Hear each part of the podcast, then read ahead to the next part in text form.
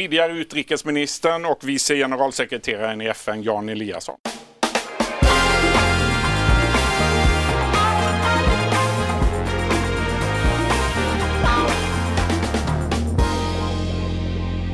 Du, allra först Jan, för bara några minuter sedan kom beskedet att man eh, i Chile ställer in klimattoppmötet. Det är presidenten som meddelar detta och det handlar om att det har varit sådana enorma mm. protester i landet. Mm. Hur reagerar du? Ja, det visar ju allvaret i demonstrationerna i Chile för det första, men eh, det är också oerhört viktigt nu att mötet inte ställs in utan att man flyttar plats för mötet därför att i klimatfrågan har vi bråttom. Så att eh, det finns säkert många ställen där dessa möten kan äga rum och det hoppas jag också genomförs. Jan Eliasson, du har onekligen en gedigen utrikespolitisk bakgrund. Har det alltid varit självklart för dig att jobba internationellt? Jag var ute på ett eh, stipendieår i USA som 17-åring? Som 17-åring och då var det inte bara amerikaner som jag träffade utan det var från ett 20-tal olika länder. Vi åkte båt över och vi åkte buss runt landet och då tyckte jag det var ett mini-FN i bussen. Och jag kunde lösa Cypernfrågan bakom en grek och, grekisk och turkisk flicka som bråkade. Och då sa de, du borde arbeta i FN. Eh, så det blev så till slut. Så blev det. Du, eh, IS-ledarens död, Turkiets invasion i Syrien, USAs tillbakadragande, vi har protest i Libanon, demonstration i Irak. Det finns en del att tala om när det gäller Mellanöstern.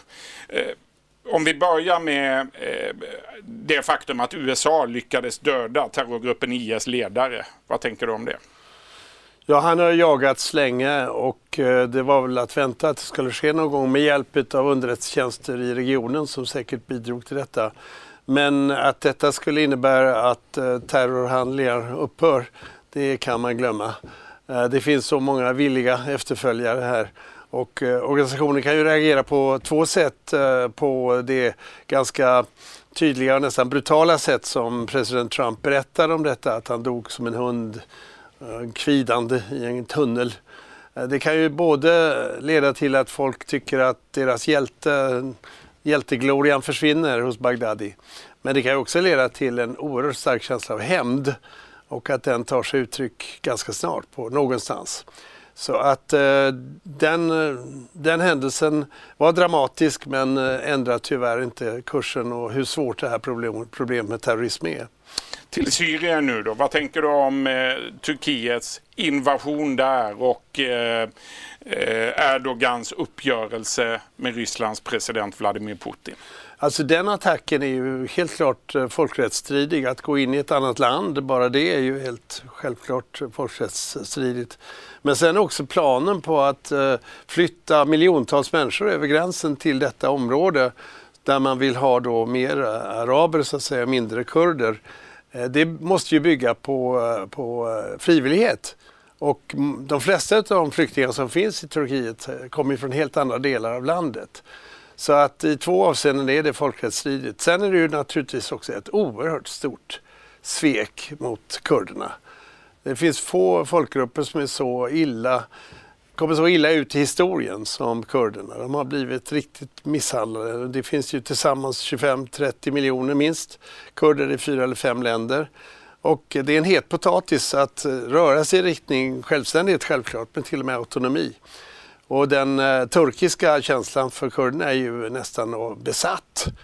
Eh, och eh, att de fick detta blinkande gula ljus eller till och med gröna ljus från president Trump var ju en stor chock för världen och ledde ju till att det blev vibrationer överallt bland USAs allierade. Jag tror att många frågar sig, kan man lita på en amerikansk allierad? Särskilt man, i det här fallet som man har offrat 11 000 människor. Samtidigt var inte detta just vad Donald Trump sa i sin valkampanj, att han skulle lämna Mellanöstern? Ja, det, det, i och för sig kan man väl säga att, att dra slutsatsen av amerikanska erfarenheterna i Afghanistan och Irak, att man ska inte ge sig in i liknande äventyr. Man kan till och med gå tillbaka till Vietnamfrågan det är, det är ganska viktigt men det är också viktigt att när man lämnar en, en, en ett, ett krisområde, en politiskt viktig eh, område, så ska man alltid tänka på det som på latin heter horror vacui, alltså rädslan för vakuum.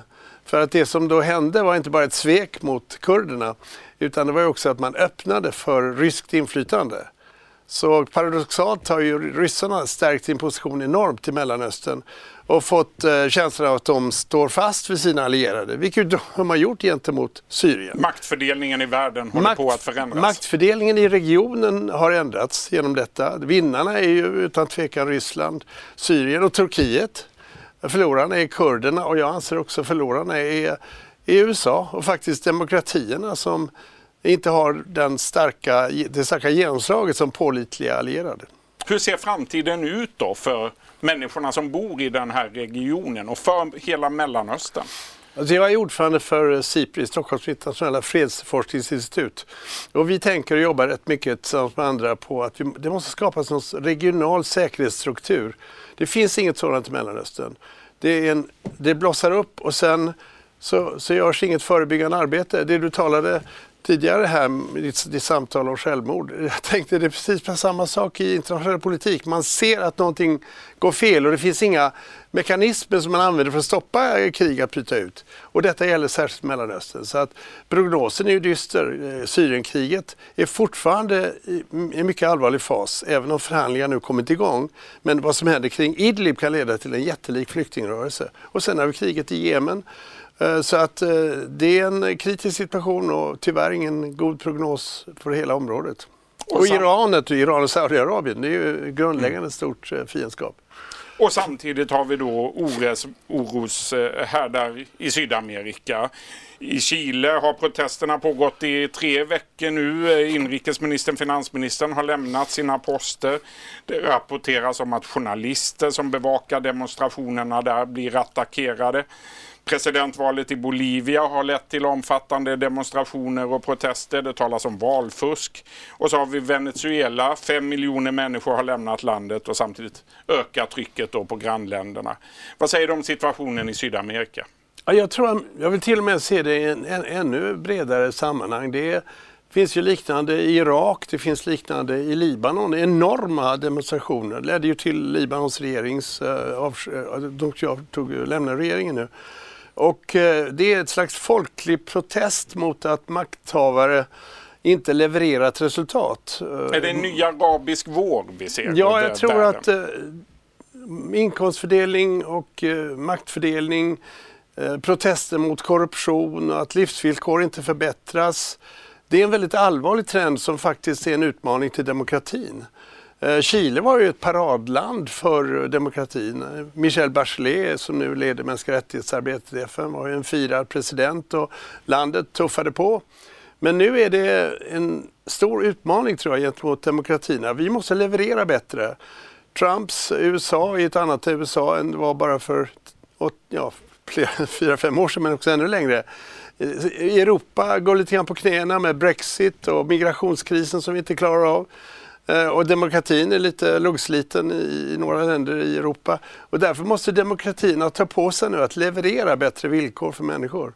Annars får vi eh, en motaktion från ett annat håll, extremt populistiskt håll. Med 50 år i diplomatins tjänst, vad tänker du när du ser Donald Trump, USAs president, twittra? Jag brukar säga att jag är optimist, men numera är jag rätt mycket en bekymrad optimist. Inte pessimist? Jag är på gränsen att bli en pessimist som ännu inte gett upp. Vad tycker du om honom? Jag tycker att han är ovanligt oberäknelig och faktiskt ganska opålitlig också. Och att han använder ett sätt att tala om omvärlden och andra människor som polariserar och delar människor. Vi behöver i den dagens värld samla och bygga broar, inte riva broar och bygga murar. Ja, Till sist då Jan Eliasson, vilken roll ska Europa och EU spela i det här maktpolitiska Vi har en historisk chans att försöka nu starkt stå upp för demokratierna, allas lika värde, rättssamhället, eh, ordnade demokratiska eh, institutioner. Det är vår chans vi har problemet nu med Brexit och vi har problem med migrationsfrågan. Men om vi tittar på de nordiska länderna till exempel så är det goda nyheter. På alla index över världen, alla sådana här undersökningar så rankas vi högst. Och då gäller det, tycker jag, att visa att det demokratiska samhället är bättre än det samhälle som skulle kunna växa upp ur den delning och polarisering som vi ser nu, inte bara i USA utan också i Europa. Det säger alltså den tidigare utrikesministern och vice generalsekreteraren i FN, Jan Eliasson. Stort tack för att du kom till studion. Tack. Du har lyssnat på en podcast från Expressen. Ansvarig utgivare är Klas Granström. Dåliga vibrationer är att skära av sig tummen i köket.